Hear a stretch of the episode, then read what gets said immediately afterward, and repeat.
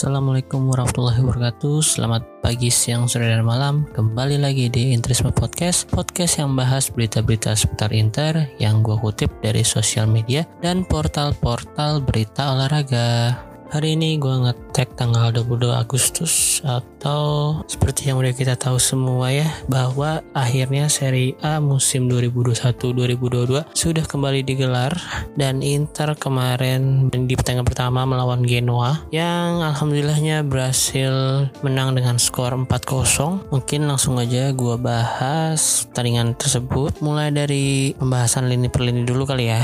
Dari Handanovic, uh, menurut gue Handanovic kemarin belum ter terlalu mendapatkan banyak ujian atau mendapatkan banyak serangan ya. Kalau dari statistik sih sebenarnya Genoa itu shootnya cukup banyak yaitu 10 shot tapi yang on target hanya 4. Penampilan Kandelvik kemarin sih standar ya, nggak jelek dan juga nggak bagus-bagus banget. Apalagi kemarin penyerang mudanya Genoa, Kalon namanya, punya dua chance yang emas banget itu. Cuman tendangan dia masih melebar. Padahal udah posisi one on one, nggak one on one sih, cuman emang udah kebuka lebar. Ya mungkin karena karena masih muda, pengalamannya belum banyak. Terus maju sedikit ke posisi back, ada Skriniar, The Fridge, dan Bastoni. Menurut gue Skriniar sih salah satu performance terbaik di pertandingan kemarin. Selain dia bisa mencetakkan satu gol, dia juga bertahan dan menyerang, membantu penyerangan dengan cukup rapih, agresif, cuman masih bisa terkontrol, nggak terlalu maju tapi terlambat ketika kena counternya Genoa. Kemudian kalau The Fridge seperti biasa ya,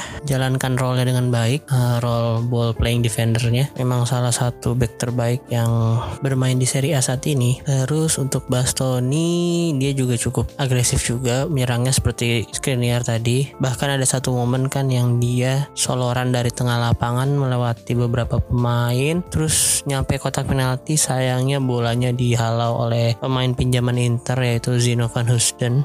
Nah yang perlu di highlight mungkin untuk pertahanan Simone Inzaghi ini agak sedikit riskan ya karena kedua white CB-nya yaitu si Skriniar sama Bastoni sering ikut membantu penyerangan. Sama ketika si Mone Inzaghi ini masih melatih Lazio, gue inget ketika pertandingan Inter melawan Lazio musim kemarin tuh kalau nggak salah di pertemuan kedua dalam posisi ketinggalan si ACRB itu cukup sering maju-maju ke depan membantu serangan Lazio. Cuman ketika saat itu kan pertahanan Inter di bawah Conte menjadi salah satu yang terbaik ya dan counter attack-nya juga cukup mematikan sehingga ketika Lazio kehilangan bola back-backnya seperti ACRB dan Patrick yang merupakan white CB-nya Lazio waktu itu telah turun. Apalagi ACRB yang udah cukup berumur ya harus melawan counter attack-nya Hakimi dan Lukaku. Sehingga saat itu Lazio harus kebobolan dengan skema counter attack yang berhasil diselesaikan oleh Lautaro Martinez. Nah semoga aja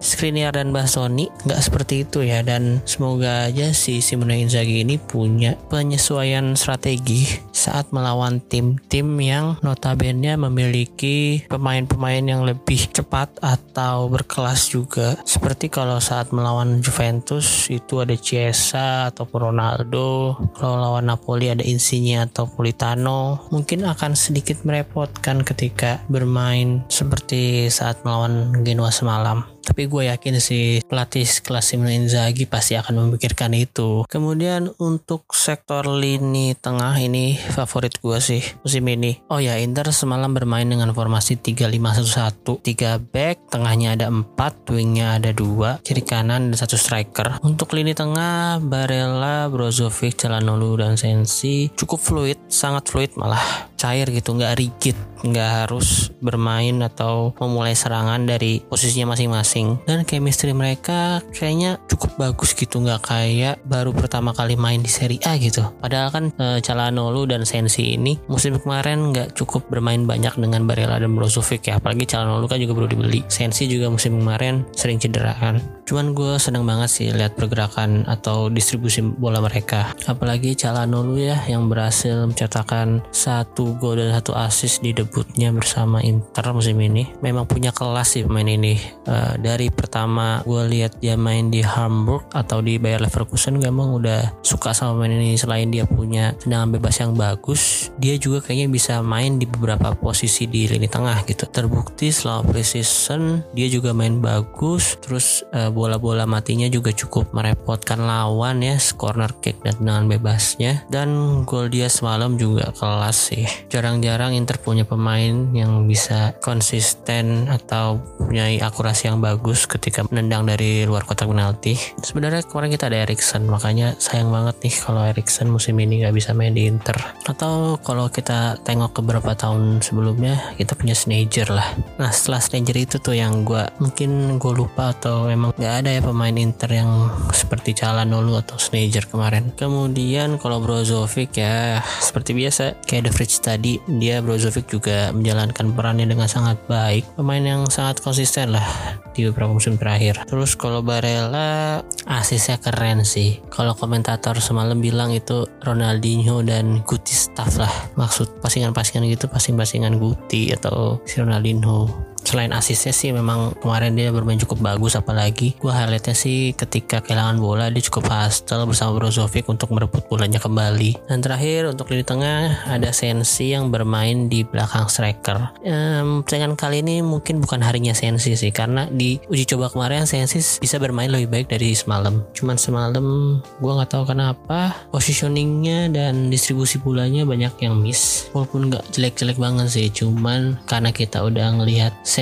yang bangkit di preseason kemarin kita jadi expect lebih gitu ke sensi musim ini. Ya semoga aja di pertandingan selanjutnya dia bisa bounce back dengan penampilan yang lebih bagus. Oh ya untuk lini tengah uh, perubahannya dari sistem kepelatihan Conte sih menurut gua positioning antar pemain ini bagus banget ya. Jadi yang nggak megang bola pun pintar mencari ruang untuk bisa gampang gitu kalau temennya mau cari dia. Intinya positioningnya bagus lah. Temen gampang mencari dia untuk dipassing oke kemudian untuk sektor wing uh, starter kemarin ada Darmian dan Perisic. Darmian cukup bagus mengisi posisi yang ditinggalkan Hakimi walaupun kita semua tahu ya semalam ada beberapa momen itu kalau misalnya Hakimi yang main. Lini pertahanan Genoa dari sisi wing-wingnya itu bisa dieksploitasi sekali sama Hakimi. Ada satu trupasnya Barella kalau nggak salah Brozovic gitu untuk Darmian. Cuman sayang sekali larinya kurang cepat dan gue yakin kalau itu Hakimi sih uh, bakal jadi gol ya tapi marilah kita move on. Dan untuk Perisic dia juga bagus. Gue gak nyangka dia bisa sekonsisten ini. Ya mungkin berkat Conte juga sih. Musim kemarin dia belajar banget untuk cara menyerang dan bertahan yang baik. Padahal kan posisi aslinya dia winger ya ketika main di Wolfsburg atau di timnas Kroasia. Cuman ada dua momen yang sangat menyayangkan karena dia terjebak dari posisi offside dua kali dan dua-duanya uh, membuahkan gol sebenarnya. Mungkin lagi apes memang mungkin posisi positioning dia ketika mendapatkan terupas kurang baik atau memang yang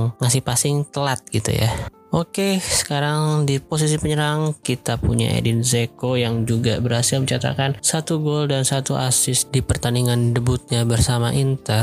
Dia menciptakan assist dari golnya Calhanoglu, kemudian dia berhasil mencatatkan gol melalui heading setelah menerima umpan atau lopas yang bagus dari Arturo Vidal. Dan menurut gue memang pengalaman dan skill berbicara banyak ya. Walaupun umurnya udah nggak muda lagi, Zeko bisa bermain bagus malam dan cukup mendominasi sih. Dan first touchnya bagus terus perannya jadi pemantul bola juga bagus passing-passingnya cukup akurat sering jemput bola ke tengah. Kalau yang gue lihat semalam sih ketika si Zeko menjemput bola ke tengah uh, dua gelandang Inter entah itu Calhanoglu atau Barella menggantikan posisinya ke depan gitu hari ke depan. Ya cukup sering sih gue lihat bola seperti itu semalam. Dan memang Zeko ini salah satu pemain yang memiliki IQ football yang cukup tinggi ya kelihatannya. Dia tuh ngerti kelemahannya sama sama kelebihannya dan bisa memanfaatkannya dengan baik. Dan untuk main mengganti kemarin Simone Inzaghi melakukan lima kali pergantian yaitu ada Vecino dan Martin Satriano. Vecino langsung dibuk kartu kuning tuh beberapa detik setelah masuk. Uh, Martin Satriano juga kemarin bermain ya mungkin karena ini debutnya dia di Serie A kan mungkin masih nervous ya. Nggak sebagus seperti ketika main di preseason kemarin. Dan dia juga akan melewatkan pertandingan lawan Dinamo Kiev kan untuk jaga-jaga agar nggak cedera. Jadi mungkin kemarin dia belum bisa tampil maksimal. Padahal itu merupakan salah satu kesempatan emas untuk unjuk gigi di Serie A. Karena nggak banyak striker Primavera yang bisa langsung main di pertandingan pertama Inter. Kayak Pinamonti dan Esposito pun harus nunggu beberapa pertandingan dulu gitu. Padahal namanya udah didaftarkan di squad. Kemudian ada Federico Di Marco yang masuk menggantikan Perisic. Nah cuman uh, uniknya semalam ah, bukan unik sih sebenarnya di preseason kemarin si Simone Inzaghi ini udah pernah menempatkan Di Marco di posisi CB di posisi Bastoni. Dan kemarin pun setelah Bastoni ditarik dan digantikan oleh Dumfries dia juga sempat main di posisinya Bastoni dan ganti-gantian sih sama Darmian kemarin karena Darmian pindah ke kiri juga. Tapi menurut gue sayang sih kalau dia main di posisi CB karena di posisi left wing back itu udah bener-bener bagus sih waktu precision crossing crossingnya cutback cutbacknya itu lumayan akurat. Jadi harusnya sih bisa dimanfaatkan dengan baik. Apalagi kita punya striker tinggi kayak Zeko tuh crossingnya di Marco sangat diperlukan. Kemudian untuk Denzel Dumfries semalam dia masih kayak malu-malu gitu ya. Masih bingung bukan bingung sih cuman ya kikuk lah bahasanya. Karena main juga cuma 8 menit kalau nggak salah masuk di menit 82 nah, ada satu possession yang dia one on one gitu gocek melewati satu pemain dan memberikan umpan cuman sayang umpannya dapat diblok tapi kalau gue lihat sih di beberapa highlight ya gue cuma lihat di highlight-highlightnya di YouTube doang. Memang si Dumfries ini tipikalnya yang hustle saat defense gitu loh. Jadi mungkin saat offense nggak sebagus Hakimi cuman untuk defense kayaknya upgrade dari Hakimi sih. Tapi karena kemarin Inter waktu dia main nggak sering terserang di dari posisinya ya dia belum kelihatan hustle-nya itu. Ya semoga aja lah bisa mengobati fans-fans Inter dari kehilangan Hakimi. Dan terakhir ada Arturo Vidal yang berhasil mencetakkan satu gol setelah mendapatkan operan manis dari Barella dan satu assist juga ke Zeko semalam.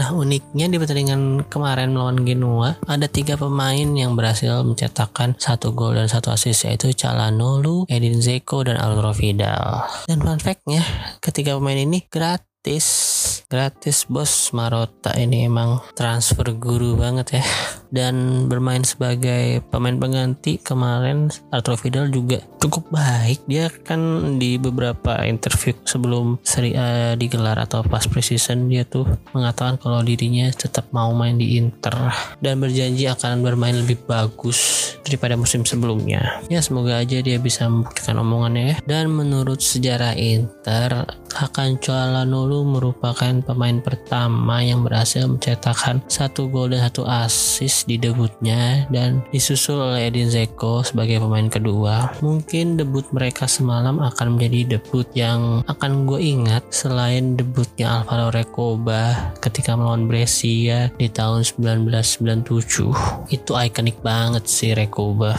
Salah satu debut yang terbaik malah menurut gue. Di pertandingan itu kan sebenarnya yang digadang digadang atau yang disorot itu Ronaldo. Karena Ronaldo juga baru melakukan debutnya di pertandingan itu dan langsung menjadi starter kan. Cuman pertandingan itu Ronaldo masih belum bisa mencetakkan gol. Dan Inter ketinggalan di menit ke 73 melalui golnya dari Hapner dan asisnya juga dari Pirlo waktu itu. Sebelumnya tapi Rekoba masuk menggantikan Gans. Dan setelah gol si Hapner di menit ke 80 Rekoba berhasil mencetakkan gol debut yang bagus banget sih itu kalau kemarin Calhanoglu golnya bagus juga sih emang uh, tendangan kaki kanan ke arah kiri bawah Sirigu ini tendangannya Ekoba kenceng banget dan lebih jauh daripada Calhanoglu tendangan kaki kirinya itu ke arah kiri atas kiper Brescia kalau nggak salah namanya Servone. Itu untuk gol debut sih. Gokil sih itu.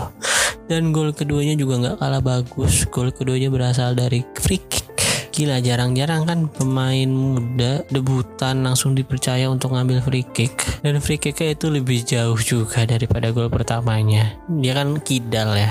Uh, itu di sisi kiri pertahanan Brescia free kicknya. Terus dia ngarahinnya uh, ke arah yang deket kiper padahal loh itu. Ngelautin pagar betis dia ngambil ke sisi kiri eh sisi kanan kiper. Dan debutnya itu juga di bulan Agustus itu tepatnya tanggal 31 Agustus. Hakan Calhanoglu ini juga sama-sama pakai nomor punggung 20 kayak Rekoba. Ya semoga aja karirnya juga bisa sebagus Rekoba atau mungkin permainannya bisa sebagus Rekoba pertandingan selanjutnya Inter akan bertandang ke markas Hellas Verona pada tanggal 28 Agustus hari Sabtu dini hari jam 1 lewat 45 waktu Indonesia Barat. Di kubu Hellas Verona ada Mattia Zaccagni yang harus diwaspadai karena kayaknya lagi on fire nih. Kemarin lawan Sassuolo dia berhasil mencetakkan dua gol. Saya itu juga ada Barak dan Kalinik yang bisa merepotkan Inter kayaknya. Untuk Inter sendiri kayaknya mungkin akan tetap menggunakan formasi 3-5-1 dengan Zeko bermain di ujung. Lautaro kayaknya masih akan bermain dari bangku cadangan. Tapi bisa juga sih langsung bermain 3-5-2 mungkin tergantung gimana